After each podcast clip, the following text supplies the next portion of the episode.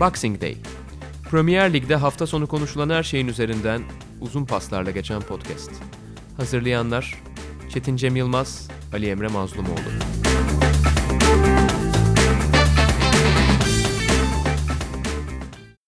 Sokrates Podcast'e hoş geldiniz. Boxing Day ile yeniden karşınızdayız. Ben Ali Emre Mazlumoğlu, Çetin Cem Yılmaz'la birlikte Premier Lig'de öne çıkanları konuşacağız. Öne çıkan deyince akla gelen ilk maç tabii ki 9-0'lık galibiyet oluyor. Leicester Southampton deplasmanında 9-0 kazanarak yani İngiltere'deki en yüksek lig diyelim orada deplasman rekoru kırdı. Bu kadar farklı kazanan daha önce bir takım yoktu. Yani bütün bir tarihin rekorunu kırdı. Aynı zamanda da Manchester United'ın Premier Lig tarihinde e, yaptığı bir rekor vardı. Kendisi aslında Ipsi, Ipswich. İp, İps- söyleyemedim takımın adını. Ipswich'tan. Onu yenmişti 9-0. Ona da ortak oldu. Yani bu dönemde böyle bir şey görmek çok acayip bir şey olsa gerek. Yani evet hep diyoruz ya yani futbol işte bazen mesela bazı maçlar çok gollü olduğunda ya da bazı oyuncular çok gol attığında ya işte 1960'larda olsaydı daha da fazla atılırdı falan. Ya da ne bileyim mesela Pele'nin rekorlarını küçümsemek için ya o zamanlar atmış falan diyoruz. Şimdi 100, yani 131 yıldır yapılamayan bir şeyin şimdi yapılması çok enteresan, çok çarpıcı. Yani biz genelde ligi Boxing Day'de konuşurken hep lig sıralamasından gidiyoruz açıkçası. Zirve yarışından gidiyoruz ama bence bu haftanın olayı kesinlikle Leicester City Southampton maçı. Southampton Leicester City maçıydı ve birkaç açıdan çok çarpıcıydı ama hani az önce söylediğimin biraz e, karşı argümanı olacak bence. Tam da böyle zamanlara da uygun bir skor oldu sanki 9-0. Neden derseniz son meşhur 4 sene önceki, 3 sezon önceki daha doğrusu Barcelona Paris Saint Germain maçıyla beraber sanki bana futbol kırıldı gibi geliyor. O maç 6-1 bittikten sonra hani hiçbir şey eskisi gibi olmadı. Maçlar bir anda işte e, bir takım Şampiyonlar Ligi'nde oluyor. İşte birisi birini 3-0 yeniyor, diğeri gidiyor kendi evinde 4-0 kazanıyor bu sefer. Tottenham'ın bir geri dönüşü Tot- vardı yine. Evet. Tam tersine mesela Tottenham evinde 7 gol yiyebiliyor falan.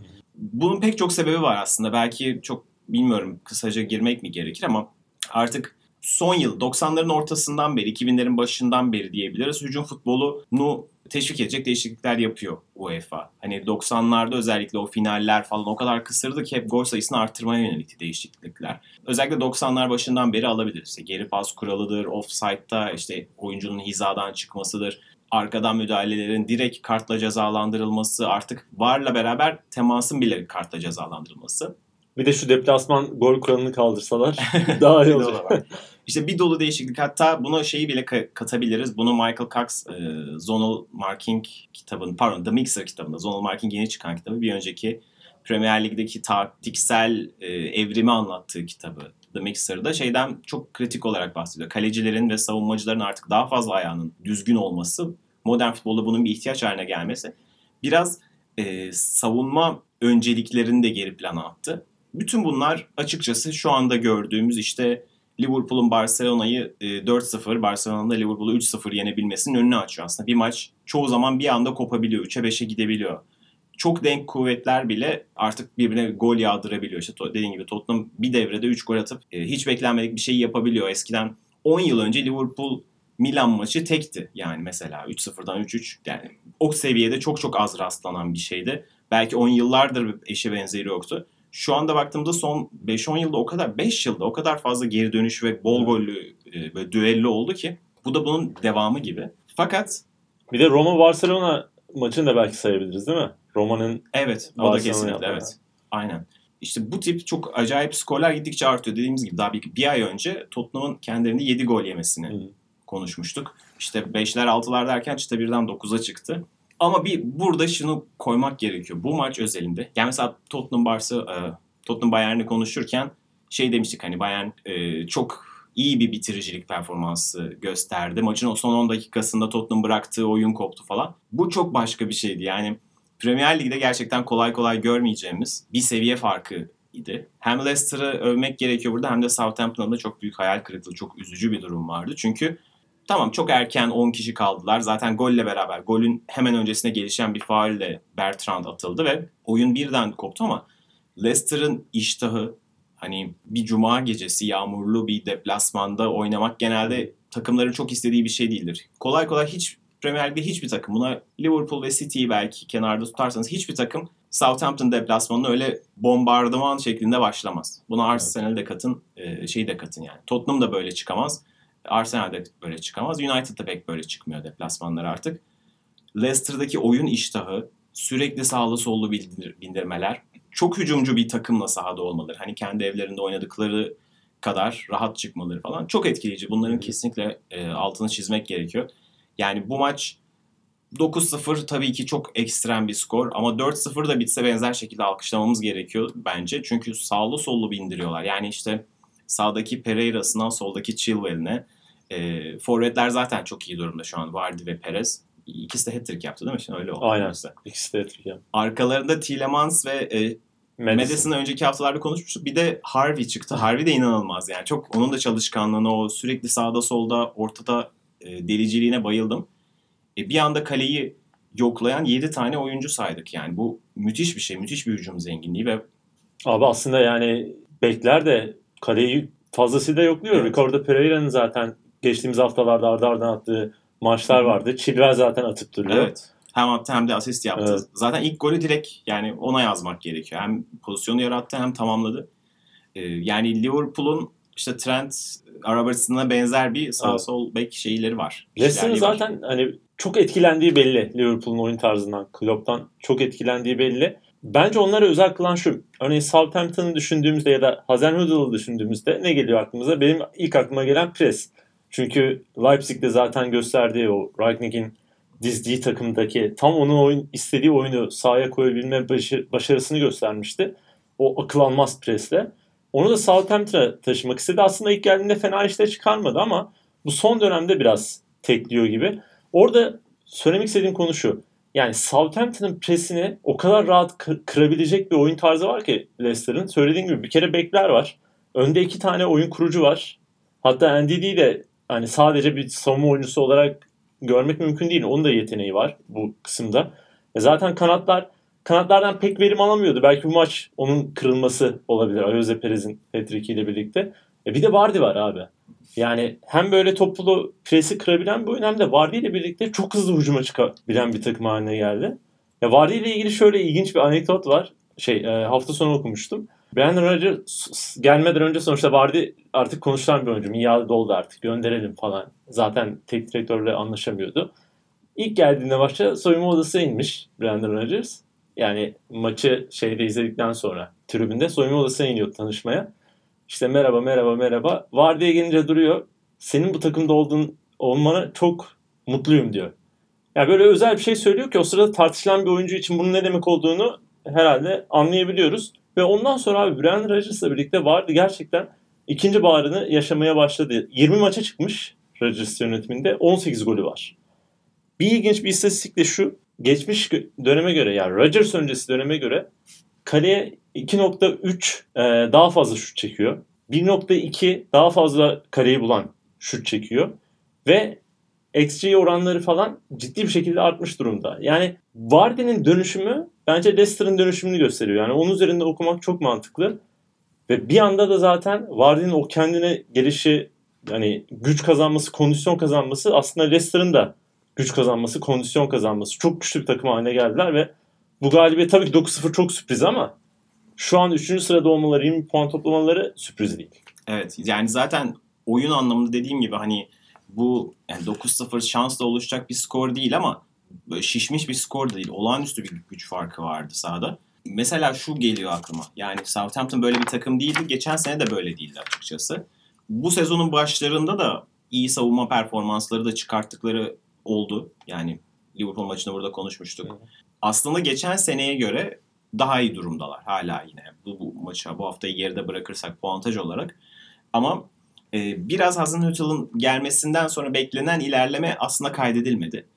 Ve bu maç çok büyük bir hüsran çünkü hani dediğin gibi biraz kovalamaya çalışıyorlar ama yani bir İngilizce'de bir tabir vardı. Yani gölgeleri kovalamak diye. Gerçekten öyle peşlerinden yetişemiyorlar yani. Olağanüstü bir süratle top dağıtıyor e, Leicester ve müthiş yükleniyorlar. Çoğu zaman Manchester City'de bazen de Liverpool'da gördüğümüz bir hücum etkinliği, rakip kaleye çökme, onların böyle başını döndürme. Yani ki bu şeyden bahsetmiyoruz. Hani bu presi kendi sahalarında falan değil. Yani üçüncü bölgede kovalıyor. Yani çok dar bir alanda o kadar yoğun ve hızlı bir pas trafiğiyle yükleniyorlar ki Southampton hani çok dar bir alanda bile yetişemiyor yani o oyunun hızına.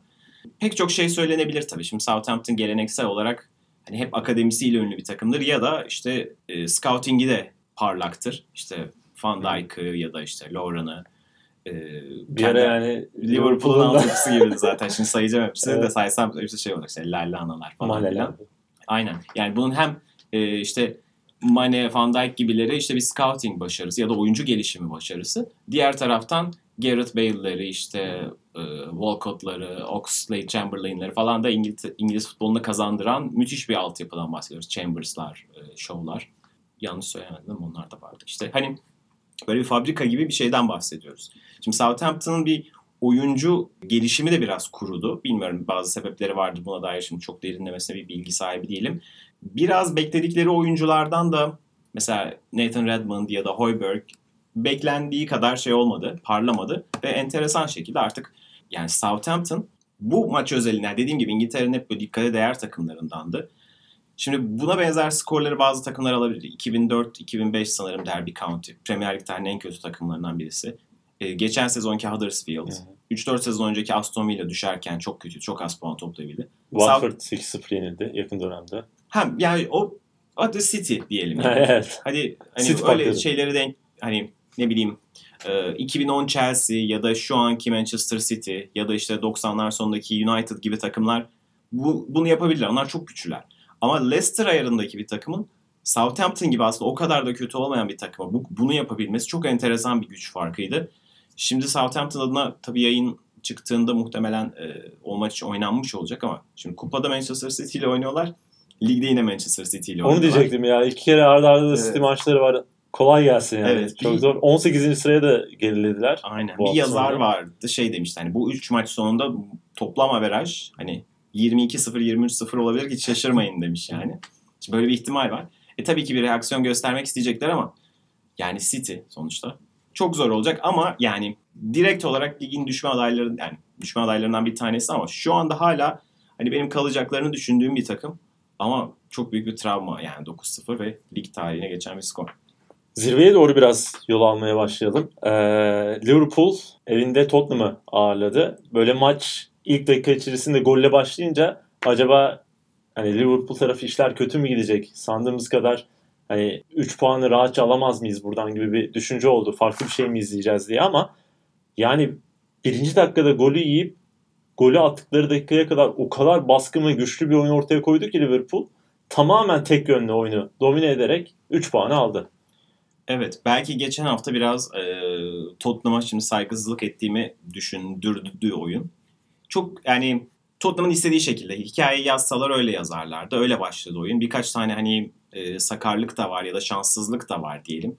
Yani şimdi o e, sonun şutu güzel ama işte Lauren'in kafası şanssızlık denebilir ama bu tip şeyler niye hep Lauren'i buluyor durumu var. E, ama şimdi böyle Lauren şey değilimdir ben anti Lauren. Hani genelde kolay bir hedeftir. Hani mesela o pozisyonda e, savunma çizgisinde de aslında offside'ı bozan Van Dijk aslında evet, mesela. doğru. Şimdi çok kişi ondan bahsetmiyor.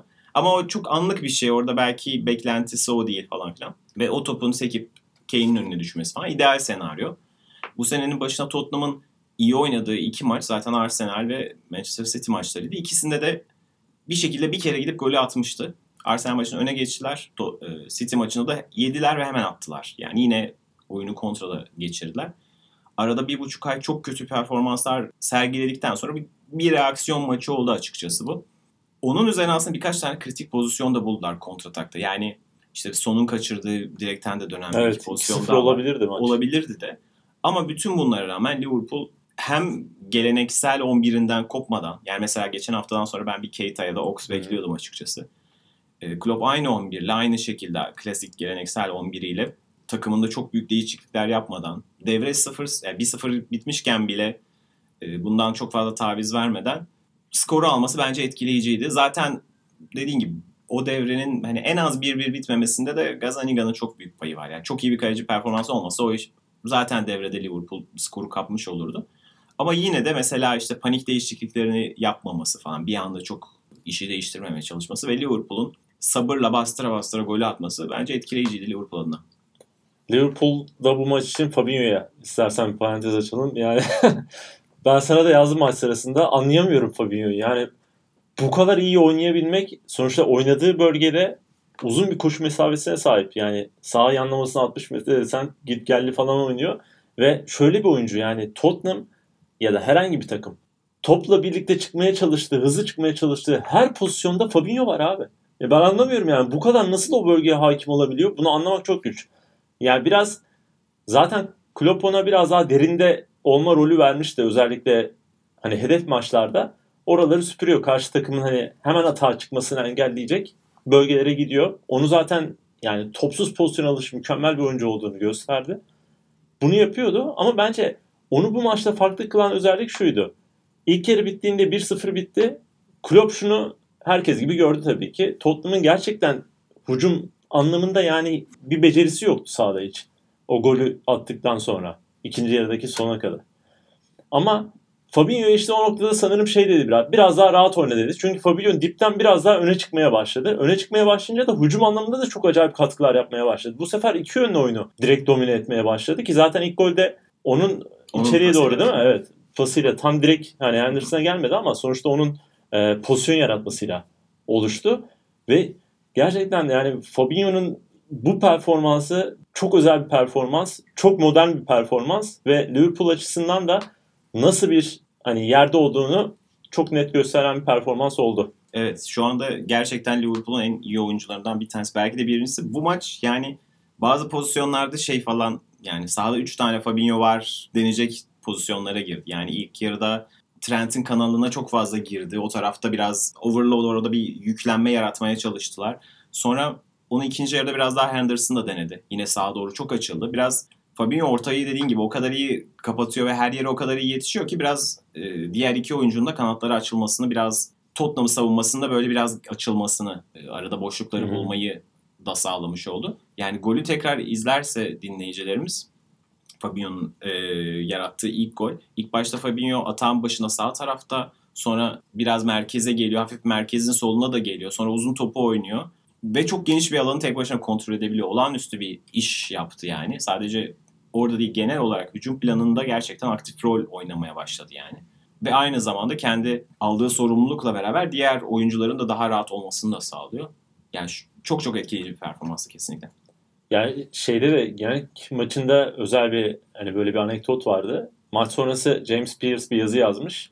Gitmiş maç sonunda Van sormuş yani. E, Keita ve Ox'u gördük bugün orta sahada. Onların ikisinin birden oynaması savunmada bir problem yaratır mı? diye bir soru soruyor. Van Dijk de yo niye yaratsın ki? Fabinho her şeyi süpürüyor zaten. Gerçekten böyle bir cevap vermiş. Hakikaten Fabinho varken senin çok önemli. Yani Henderson'la yanındaki ikili kim olabilir? İşte Wijnaldum olabilir. Keita, o bu. Herkes olabilir. Ama onlar da kenarlara gidiyor ve savunmayı öyle bir açıyor ki Liverpool. E bunda Fabinho'nun katkısı var işte. Fabinho olmasa o arkada süpürücülüğü yapmasa buna kim cesaret edebilir? Çok önemli bir katkısı var gerçekten. Tottenham tarafından sen biraz bahsettin. Biraz daha belki konuşabiliriz. Ya şey garip değil mi? Bana biraz garip geldi. Endombele değişikliğinden sonra Tottenham biraz daha önde pres yapmaya başladı. Yani ilk kez gördük maçın o noktasına kadar. Onun dışında hep çok çok böyle derinde kalmayı tercih ediyorlar. Ama Endombele girdikten sonra da hani orada işte penaltı oldu, ikiyi buldu Liverpool ama girdikten sonra böyle önde basmaya başlayıp top kazanmaya yavaş yavaş pasta yapmaya başlamışlardı. E madem bunu yapabiliyor neden bu kadar geride beklemeyi tercih etti? Tamam bir Liverpool korkusu bilmem ne ama ya Pochettino'nun ya zihninde neler oluyor sence? Ya bence zaten Tottenham'ın bu sene en büyük problemi hani oyunun iki tarafını istikrarlı şekilde iyi oynayamıyor bu takım. Yani hücum oynadığında arkada çok açık veriyor. Çok yük geriye gömüldüğünde de sadece kontrataklarla e, fırsat bulabiliyor. Hani tabii ki geçiş oyunu bir şeydir. Yani bir metoddur ama Tottenham gibi artık ilk altı iddiasında olan bir takım içinde bu kadar bu maçları geride kabul etmek çok hani bence doğru değil. Ha, Liverpool maçı özelinde de konuşmuyorum çünkü şu andaki psikolojileri gereği e, bence doğru taktik buydu diyebilirim yani. Ama bahsettiğim 3 maç, 3 tane büyük maç oynadılar bu sezon. İşte üçünde de yani City maçına topla oynama oranları %20'lerde falandı. Arsenal maçında da golleri çok erken buldular ama tahminim yine 65-35 hatta 70-30'lara yakındır. E, bu maçın da belli bölümlerinde Liverpool öyle dominasyonlar sağladı. Yani bu kadar fazla gömülmek evet Tottenham özelinde bence çok e, doğru değil ama bu sene bir türlü işler yürümediği için bu maç özelinde hak veriyorum açıkçası. uzun zaman sonra sanırım Nisan ayından beri ilk defa o Tottenham'ı Pochettino döneminin imza dörtlüsü işte Dele Alli, Eriksen, Son ve Kane oynadı. İşte Dele Alli ve Eriksen hala biraz şeyler. Hani Dele Alli'nin en azından şeyini görebiliyorum ben. Yani biraz daha çabalı ve iyi niyeti var ama çok formsuz. Bir buçuk, iki sene önceki formu kesinlikle yok. Hani hatta artık onun için şey konuşulmaya başlandı hani tek sezonluk bir şey Hı, demiş evet. falan filan. Son ve Kane iyiler açıkçası ama Eriksen de işlemiyor yani ama sonuçta Tottenham'ın gerçekten dediğim gibi imza dörtlüsü buydu. Belki yavaş yavaş hani Eriksen'le yollar ayrılabilir öyle görünüyor. Yani çoğu Hı hı. Tottenham taraftarı bile artık kendisinden e, umudu kesmiş durumda. Ama en azından sezonun işte transfer yapılabilecek bölümü olan Ocak ayına gelinceye kadar sanki bu ekip artık yavaş yavaş şey yapar gibi görünüyor. E, yani işte geleneksel Tottenham'ın şu anki enkazından en azından birazcık çıkma umudu veren bir maçtı belki de kendi adlarına. Bazı iyi bireysel performanslar vardı en azından. Oyuncuların çok uzun zaman sonra biraz nasıl denir? Sebat gösterdikleri, bir çalıştıkları böyle bir disiplinle sahada oldukları bir maçtı. Hani skor 2-1 değil daha açık bir skor da olabilirdi açıkçası. Evet. Çok erken gol işin rengini değiştirebilirdi ya da işte ama bir yandan da eğrisi doğrusuna denk geldi belki. Çünkü sonun pozisyonu aslında daha net bir pozisyondu yani. Sonun üst direkten dönen pozisyonu mesela aslında gol olan pozisyonlarından. Ama Tottenham adına en azından o biraz buhrandan çıkış adına bir umut sinyali veren bir maç oldu. O zaman Liverpool'un en yakın takipçisine bakalım. City'de e, evinde Aston Villa'yı rahat yendi. Çok zorlanmadı. İlk yarıda biraz hani gol bulamadı. Onun sıkıntısı oldu ama ikinci yarıda zaten golle başladı. Ondan sonra da 3-0 maçı rahat bir şekilde kazandı. Evet. City adına bilmiyorum şimdi neler konuşabiliriz. Biraz tek şaşırdığımız herhalde maçın belki biraz geç kopması oldu. İlk yarı e, kilidi açamadılar diyebiliriz. Ya buradan aslında benim şu anda aklıma Liverpool'la bağlantılı olarak bir şey gelecek. Şimdi yine City'de Liverpool'la topu atmış olacağım ama aklımdaydı söylemeden geçmeyeyim dedim. Geçen hafta Liverpool Manchester United maçından sonra yine Liverpool adına Liverpool kapanan takımlara zorlanıyor mu falan filan gibi bir şey gelmişti. Eleştiri gelmişti. Orada Stan Collymore da şey tweetini attı. Yani bu takım kaç 38 9 daha 47 maç oynadı. Bunların işte kaçını 40 yaklaşık Abi 40 48 maçta 39 galibiyeti 39 var. galibiyet. Yani bu takımın nasıl şey ya. kapanan takımlara karşı zorlandığını söyleyebilirsiniz. Hani bu tek bir işte 10 beraberliği, 9 beraberliği bir mağlubiyete bakarak e, demişti. Hani mesela bu City adına çok kullanmadığımız bir şey. Biraz hani insanlar ezberlerden Hı. hareket ederler ya. Yani mesela işte Liverpool görünce hemen pres, City görünce hemen pas oyunu falan filan kafalarda canlanıyor. İşte Liverpool zorlanır. Liverpool evet 2016-17 sezonunda bunda çok zorlanıyordu. 17-18'de birazcık çözmeye başladı ama yine zorlanıyordu. Geçen sezon ve bu sezon bunu daha az yaşıyor. Ha şu yaşamaması e, yine City'ye bağlamaya çalışarak buradan ilerleyeceğim. City de zorlanıyor aslında ve bu da normal yani. Çünkü çok dar bir alanda oynamaya çalışıyor ve takımlar gömüldüğünde işte yaklaşık hani 40 metre 50 metre araya 16-17 oyuncu sıkışıyor ve Southampton'ın bu hafta yaptığı gibi ya da Watford'un 3-4 hafta önce yaşadığı gibi hani erken dağılmazsanız zaten belli bir seviyenin üzerindeki oyunculardan bahsediyoruz. Geçen hafta Crystal Palace maçında bahsettik. Palace hani çok ezilmiş görünmesine karşın o maçta istatistik, istatistiksel olarak çok uzun süre aslında çok da fazla açık Hı vermemişti yani. Bu da bir benzer şekilde oldu. Hani yani buradan şeyi bağlamak istemiyorum. City de kapanan takımlara karşı zorlanıyor değil. Yani zaten normali bu. Kapanan takımlara kadar karşı zorlanırsınız yani. o yüzden Şey- kapanıyorlar abi onlar zaten. kapanıyorlar evet aynen. O e, değerli olan işte bu takımların bu şeyi bulması. O açıklığı bulması.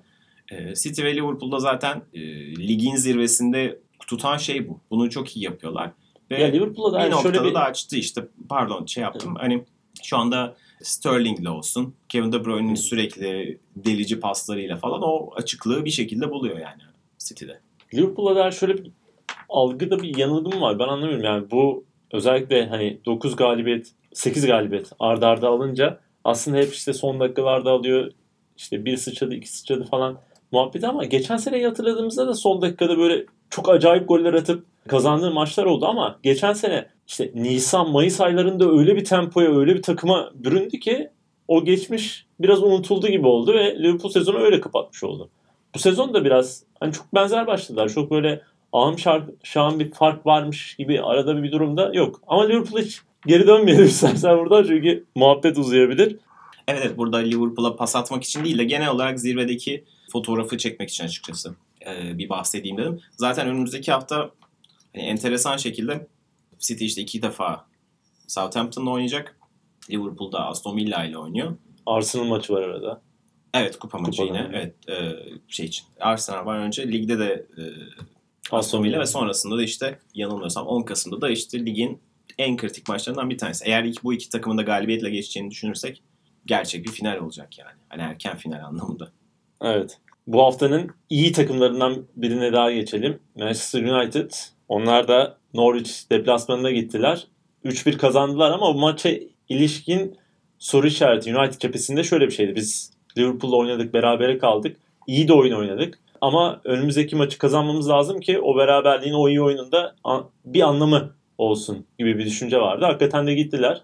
İyi de bir oyun ortaya koydular ve 3-1 kazandılar. Bu aynı zamanda biraz da bir sanırım yükselişe geçme en azından yükseliş için adımlar atma maçıydı ve o adımı atmayı başardı.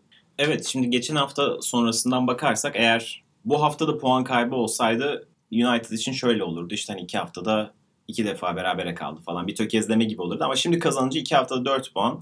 E, haftaya da iç sahada gelebilecek bir galibiyetle beraber hani bir ritim bulma anlamı e, taşıyacaktı.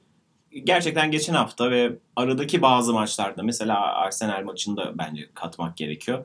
Bazı yaptığı doğruların, bazı iyi giden şeylerin üstüne koymaya devam ediyor gibi görünüyor. Mesela Scott McTominay oldukça hani sorumluluk alan şey hani bir Darren Fletcher'ın light versiyonuna dönüşmeye başladı. Yani bu keyif verici bir şey. Rashford yine geçen hafta attığı gibi yine attı ve hani po- pozisyonların içinde penaltı da yaptırdı bir de kaçırdı falan filan böyle şey enerjisi gayet iyi ve şu anda artık yanında Martial de geri döndü. Bu en kritik şeylerden bir tanesi. Yani Rashford tek tehdit olduğunda bu sıkıntıyı yaşayabilir. Yani Liverpool gibi kontratağa dayalı oynayacakları bir maçta tamam Rashford sorun yaşamaz.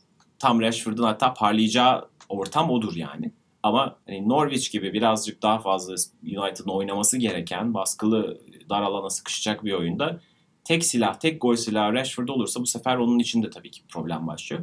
Ama işte Martial'le beraber birbirlerini de iyi tamamlayabileceklerinin sinyalini verdiler açıkçası. Hatta işte penaltılar olmasaydı belki de çok daha hani sükseli de bir skor olacaktı yani. O penaltılarla da ilgili şimdi şey yapmayayım hakkını e, hani Kurul iki penaltı kurtardı falan ama Solskjaer şey demiş ve bence haklı yani penaltıların ikisi de tekrar edilmeliydi doğru bence. Özellikle ilk penaltı yani neredeyse tekrar- çıkmış yani bir buçuk metre falan öne çıkmış Kurul. Tekrar edilmeliydi diyor ama ya bence İngiltere'deki VAR sistemi geldiğinden beri en saçma uygulama oldu. Yani o Daniel James'e verilen penaltının ne ilgisi var abi penaltıyla? Bir de Evet. ya bunu hakemin çalması çok normal. Yani oyun içinde akan pozisyonda hakem öyle bir şey görmüştür. Çalabilir yani. Bunda sıkıntı yok ama VAR hakeminin 5 dakika oyunu durdurup 5 dakika sonunda net olmayan bir pozisyon için orta hakemin kararını değiştirmesi ve penaltı vermesi büyük saçmalık değil mi? Evet gereksizdi ve bence zaten e, yanlış hatırlamıyorsam Solskjaer ondan da bahsediyor. Hani ilk penaltı da hani verilmeyebilirdi de demiş. Onu da şey yapmış. Hakkını vermiş. Ama tekrar atılmalıydı demiş. Biraz böyle hani eğrisi doğrusuna denk geldi yine ama oyunun zaten akışı içerisinde iki penaltının kaçması bu arada United adına enteresan. Şimdi Wolves maçında kaçtı. E, hangi maçta da bu sezon kaç, kaçırdıkları dördüncü ya da beşinci penaltılar Hı. oldu yani. Böyle iyice bir e, şey haline geldi. Kangren haline geldi ben bu takımda. Ama buna rağmen işte dediğim gibi hani 5-1 değil 3-1 olması da çok şey yaratmıyor. United'a da çok moral veren bir galibiyet oldu yani.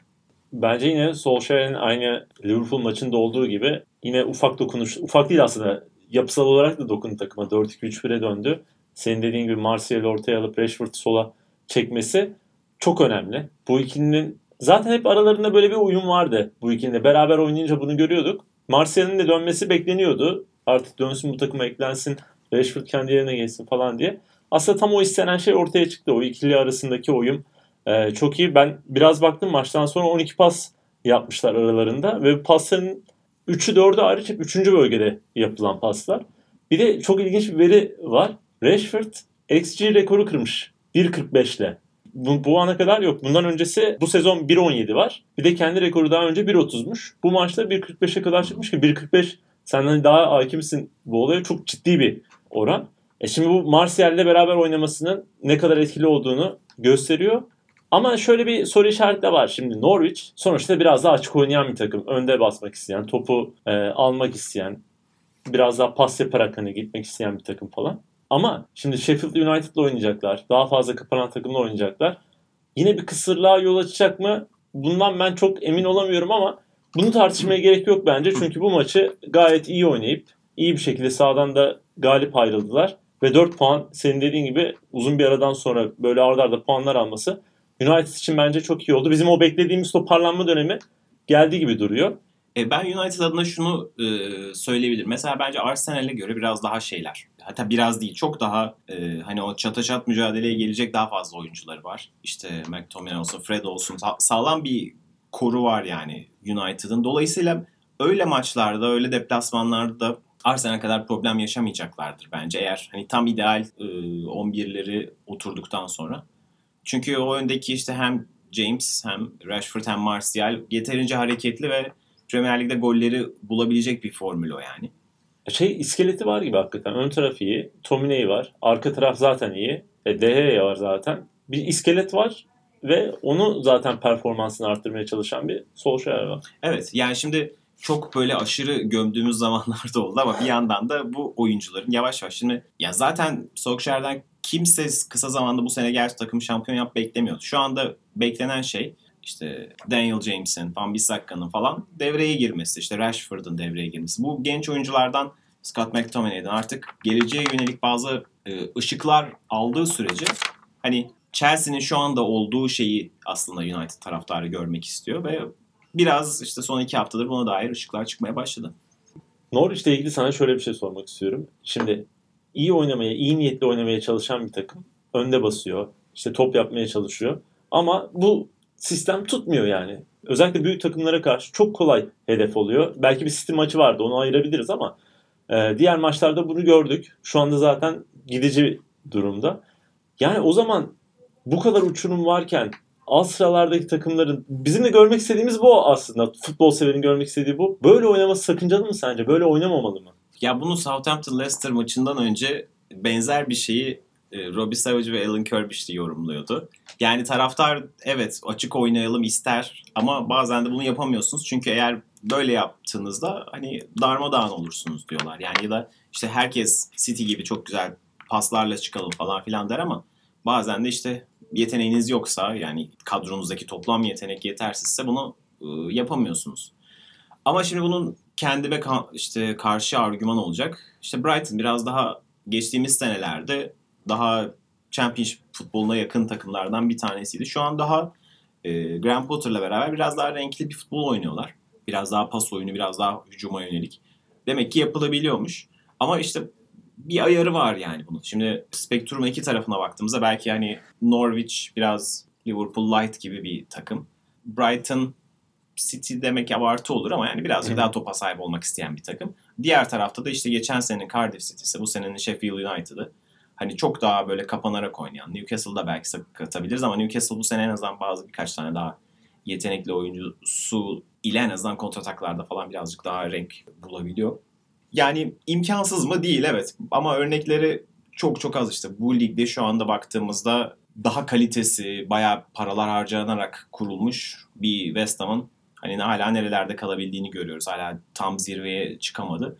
Ama işte Crystal Palace gibi bir takım hani Hı hı. şey yaparak nasıl diyeyim kazıya kazıya şu an ligin ilk altısında sanırım değil mi? Altıncı sırada yanlış hatırlamıyorsam. Hani bir şey vardır yani ligin dinamikleri falan filan. bazı, bazı durumlarda o Premier Lig için de geçerli yani.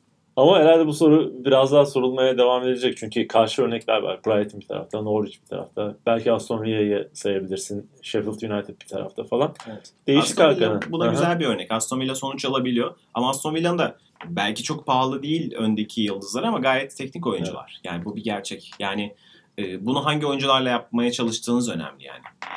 Şimdi VAR'ı biraz konuşmuştuk Manchester United maçında ama United maçından daha skandal boyutu Arsenal maçında oldu. Direkt VAR'la açmak istiyorum çünkü son pozisyon yani. Sokrates attığında 3 puan alacaktı Arsenal. Ama gol acayip bir şekilde iptal edildi. Yani hiç anlayamadım. Neye faul çalıyor? Adam düşüyor abi. Yani nereye koysun ayağını ama iptal ettiler ve olan Arsenal oldu. Evet yani geçen hafta da Arsenal Sheffield maçında yine bir yine Sokrates'in başına gelmişti galiba. Bir böyle formasından çekildi çekilmedi pozisyonu vardı falan. Hani orada bir puanımız gitti, burada iki puanımız gitti gibi itirazları var. Haksız değiller. Çok yani kabullenmesi zor bir pozisyon bence. Yani bu, bu penaltıysa gerçekten hani her şey penaltı çalınır. Şimdi geçen haftalarda bunu Leicester maçında Mane'nin pozisyonu için yapmıştım. Evet. Hani her temasa penaltı çalmaya başlıyor hakemler. Her temasa faul çalmaya başlıyor. Ama bu çok ortada bir pozisyon ve Ama kolay ayaklar kolay şey bile itiraz dolanmış. etmez yani. Evet yani e, Kahil mi orada o pozisyonun içindeki savunmacı? Yani o bile itiraz etmez büyük ihtimalle. Ama top işte Sokrates'in önünde kalıyor. Gayet bence çok temiz bir gol ve çok enteresan bir karar. Yani o golü verse kimse bu pozisyonun içinde faul vardı falan diye itirazda bulunmaz. Taraftarlar da dahil olmak üzere. Ee, VAR'ın kötü kullanımlarından bir tanesiydi. Yani Arsenal adına çok fazla eleştirilecek şey var bu. Oyunun kendisine gelirsek. Çok enteresan şekilde iki tane stoperleriyle öne geçtiler. Bu çok nadir olacak bir şey ama Crystal Palace'ın hakkını vermek gerekiyor. Kolay bir şey değil yani orada. Ee, 2-0'dan geri dönmek. Ama her şeye rağmen işte Arsenal yani galibiyeti almak üzereydi bir şekilde ve alamadılar. Şimdi orada enteresan bir tartışma oldu. Çok sık gıcık bir insandı Piers Morgan. Genelde de işte Twitter'da Gary Lineker'la çok atışırlar. Genelde de işte hani mantığın, sağduyunun, aklın tarafı Gary Lineker'dır. Hani biraz da trollüğüne Piers Morgan da zaten Trump'ın dostu falan filan öyle bir adam yani. Enteresan şekilde maçtan sonra şey yazdı Piers Morgan. Ben bu maçı 3-2 kabul ediyorum ki kendisi çok hani Arsenal'ı çok koyu bir Arsenal'li ama çok eleştirir. Çünkü hani yok işte Wenger out diyen ilk adamlardan bir tanesiydi. Dedi ki ben bu maçı kazanılmış sayıyorum çünkü bu şey yapmıyorum tanımıyorum sonucu dedi. E, Gary da karşı çıktı nasıl tanımazsın falan filan diye. Bir saat sonra ama benzer bir şekilde kendisi de yazdı bu kararı kabul etmek mümkün değil gerçekten diye. Yani enteresan şekilde bu iki e, birbiriyle didişen iki dostu bile şey yaptı yani ilk defa bir konuda anlaştıklarını gördüm diyebilirim. Böyle bir yani tuhaf bir karardı ve e, Arsenal'ın iki puanla mal oldu diyebiliriz. Evet Arsenal'da sorunlar devam ediyor. İki tane duran toptan buldular ama maç içerisinde baktığımızda acayip bir yaratıcılık problemi var. Biraz 4-4-2 gibi Lacazette'le beraber Aubameyang denedi ama o da çok işe yaramadı. Şey hoşuma gitti benim. Maç 2-2 olduktan sonra Mesut Özil'i gösterdi kameralar. Kü- Çünkü sadece tabii ki bizim sorduğumuz bir soru değil. Arsenal'lar sormaya başladı yani bu adam ne yaptı da bu kadar yedek kalıyor. Yine bu arada bir tane video Skauka var ya o bir video yapmış. Arsenal taraftarına Arsenal'la ilgili istatistiksel sorular soruyorlar. Ve abi ne kadar kötü istatistik sormuşsa bütün aç videoyu izle abi. Bütün Arsenal taraftarı şakadır bu diyor. Daha mı çıkıyorsun? Yok o çıkmıyor ama. o çıkmayınca da şaşırıyorlar. Nasıl olmaz ya? O adam olmalı falan filan diye. Yani bir yerden şaka, bir yerden özür falan böyle bir garip de bir ikileme. Futbol dışı biraz da hani oyunun dışında değişik tartışmalara da gitmeye başladı. Yani sorunlar çözüleceğine şey demeye çalışıyorum aslında. Böyle biraz da suni şeylerle birlikte iyice büyümeye başladı ve bunun önüne bir türlü geçemiyor Unai Emery. E, bu maç bir de Çaka oyundan çıkarken yuhalandı. Biraz tepki olarak da alkışlandı yani. Sonra o, o karar alkışlandı daha doğrusu. O da bu sefer tar- tribüne el kol yaptı falan. Biraz böyle Belhanda durumu bir olay yaşandı. Ama şimdi ben açıkçası Mesut Özil'in son bir buçuk iki senedir performansından çok hani çok o performansı hiç şey bulmuyordum yani. Çok eleştirilecek yanı var gerçekten hani o büyük maçlarda ortalarda olmaması falan filan ya da sezon içerisinde 3-4 hafta çok iyi çıkış dönemleri yaşayıp sonra ortadan kaybolması doğru. Bence de çok büyük hataları oldu ve yeteneğinin de biraz şey yaptı yani. ihanet etti bu dönemde. Ama Arsenal'ın bu döneminde de hiç yani bir dakika bile kullanılmaması bu kadar haftalardan bahsediyorum. Sanırım Watford maçından beri hiç oynatmadı Evet. yani. Çoğunda kadroya da almadı. Evet zaten o da çok ilginç yani. Hamle oyuncusu olarak Evet. bile düşünmüyor. Yani evet tri- şey yaparsın 70'te alırsın 60'ta alırsın o kadar da değil yani. Kadron da şey değil. Mourinho'nun Real Madrid'i değil. Hadi onu kullanmayayım da başka birisi var falan diyebileceğim bir kadro değil. Bu tekniğe ihtiyacın olacağı maçlar var Premier Lig'de. Fazlasıyla var. Hadi diyelim kafandaki oyuna uymuyordur ki o oyunun ne olduğunu artık kimse anlamıyor yani. En Hı hı. iyi emerci bile çözemiyordur herhalde bunu. Ama yani bu bu kadarı bana fazla inat gibi geliyor. Yani Mesut fanboyluğu vardır. İşte çok her durumda koruyan bir kitle var Twitter'da. Dolayısıyla onun da onlardan hiçbir zaman olmamama rağmen biraz artık bu işin abartıldığını ve artık yani Evet, biraz Mesut'un bir gündem. olması gerektiğini düşünüyorum yani. Ha Arsenal adına iyi giden ne vardı dersek hafta içerisinde Pepe'nin attığı iki tane çok güzel gol. En azından Pepe biraz devreye girmeye başladı. Ha, Şimdi ligi- iki asist. Evet. Lige işte hani galibiyet olarak da yansıtsaydı bu bayağı bir iyi bir momentum olacaktı açıkçası Arsenal adına ama yine iki ileri bir geri gibi gidiyor işte Arsenal. Chelsea'ye bakalım son olarak. Chelsea de deplas, Burnley deplasmanına gitti. Yani ilk başta verdiğin örnek Southampton deplasmanına gitmek zordur. Aynı şekilde Burnley deplasmanına gitmek de korkutucudur. Zaten sadece bir maçta kendi evlerinde gol yediler bu sezonda. O da Liverpool maçıydı. Şimdi Chelsea oraya gidiyor. Gol yemeyen takıma 4 tane birden attılar. Ve Pulisic tabii ki kariyerinin ilk hat-trick'ini yaptı. Kaptan Amerika. Buradan da selam gönderelim. evet şimdi hani biz Kanada'da olduğumuz için genelde buranın gündemini daha belki sen senin için de öyle Daha çok takip ediyoruz. Buranın futbol kanalları da yani tabii Kanada başka bir gündem ama Amerikan medyasından dolayı hani için ne kadar önemli bir hype olduğunu daha iyi anlıyorum ben burada. Gerçekten göz bebeği. Ve belki biraz tuhaf gelecek ama Amerika hep şey olarak bakıyor. Yani bizim Messi'miz geldi. Bu bizim Messi'miz olacak falan filan diye. Çok genç yaşta da parlamasının işte Dortmund'da da e, çok özellikle ilk çıkış sezonunda çok iyi oynamasının falan çok etkisi var. Ama böyle şey istatistikleri falan var. İşte Messi ile Ronaldo bu yaştayken ne yapmış? Hı-hı. 19 yaşındayken ne yapmış falan. Hep öyle oyun, onun üzerinden karşılaştırıyorlar. Şimdi çıta orada olunca yani belki de futbol tarihinin en iyi iki oyuncusuyla karşılaştırılınca haliyle arada 3-4 hafta oynamadığında burada çok büyük bir olay olmuştu. Ya Pulisic nasıl oynamıyor falan. Bu da bir anlamda şey de yaratıyor. Amerikan futbolu zaten gerileme döneminde. Kanada'ya yenildi. Kanada'ya yenildi ve tam o, o hafta da mesela ben şey olmuştum yani. Pulisic nasıl gerilediyse yani çünkü 60. dakikada oyundan alındı. Maç 0-0 iken. O çıktı. Alfonso Davis golü attı. Şimdi Kanada'nın yıldızı Bayern'de oynayan Alfonso Davis, e, Amerika'nın yıldızı bir yandan şey yapamadı. Hani bu maçı alması gereken beklenen Pulisic'ti. Alfonso Davis öne çıktı falan. Daha işte birkaç hafta öncesine kadar hani adım adım geri gidiyordu. Hiç dakika bile alamadı. Haftalarca hiç şey yapamadı. Ki sezon başında da işte Manchester United maçında oynadı kötüydü. Leicester maçında oynadı kötüydü falan. Yani şans bulamadı değil aslında ama sonra da tamamen devre dışı kalmıştı. Hafta içi Ajax maçında çok iyi oynadı. Hı-hı. Sonra da müthiş imzasını attı. Şu an artık hani tamamen formayı kaptı. Ve Ama bir ondan önce Newcastle maçında da çevirdi. bir golü vardı. Yani böyle aslında ba- ilk başlamadı ama son dönemde oyuna girdiği her maçta gol katkısı yaptı, asist yaptı, gol attı falan. Burada sanki ya zaten geliyorum diyordu Pulisic için ama benim bu maçta dikkatimi çeken ve hayran olduğum noktalardan biri şu. Lampard'ın odoyu kesip Pulisic oynatması. Ya bence bu Lampard'ın ben zaten hep söylüyorum çok iyi bir lider. Yani çok iyi bir lider olduğunu gösteriyor. Hudson Odoi var.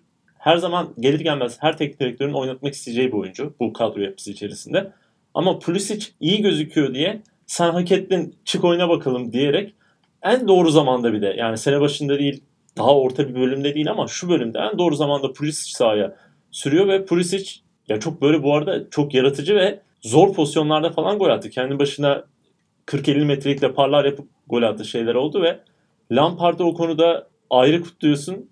Pulisic'i ayrı kutluyorsun yani. Evet yani bir yandan da Chelsea'nin bu seneki transfer yasağı sebebiyle önceden ayarlandığı için tek transferi kadrodaki tek yeni ismi diyebiliriz. Böyle de ekstra beklentileri var. Hem işte ülkesinden kaynaklanan beklentiler hem Chelsea'nin verdiği beklentiler ve ilk haftalarda işte dediğim gibi neredeyse iki ay boyunca doğru düzgün hiç oynamazken girip katkı vermeye başlaması hem kendisinin aslında e, krediyi vermek gerekiyor ve dediğin gibi Lampard'ı demek ki hani doğru e, zamanı bulmuş ve işte forma adaleti de çok kritik bir şey. Yani bir oyuncuyu evet. hak ettiği zaman da taktiği koydu ve şu anda sen şey yapmıştın ligin en sen yazdığında mesajlaşmalarımızı ifşa edeceğim.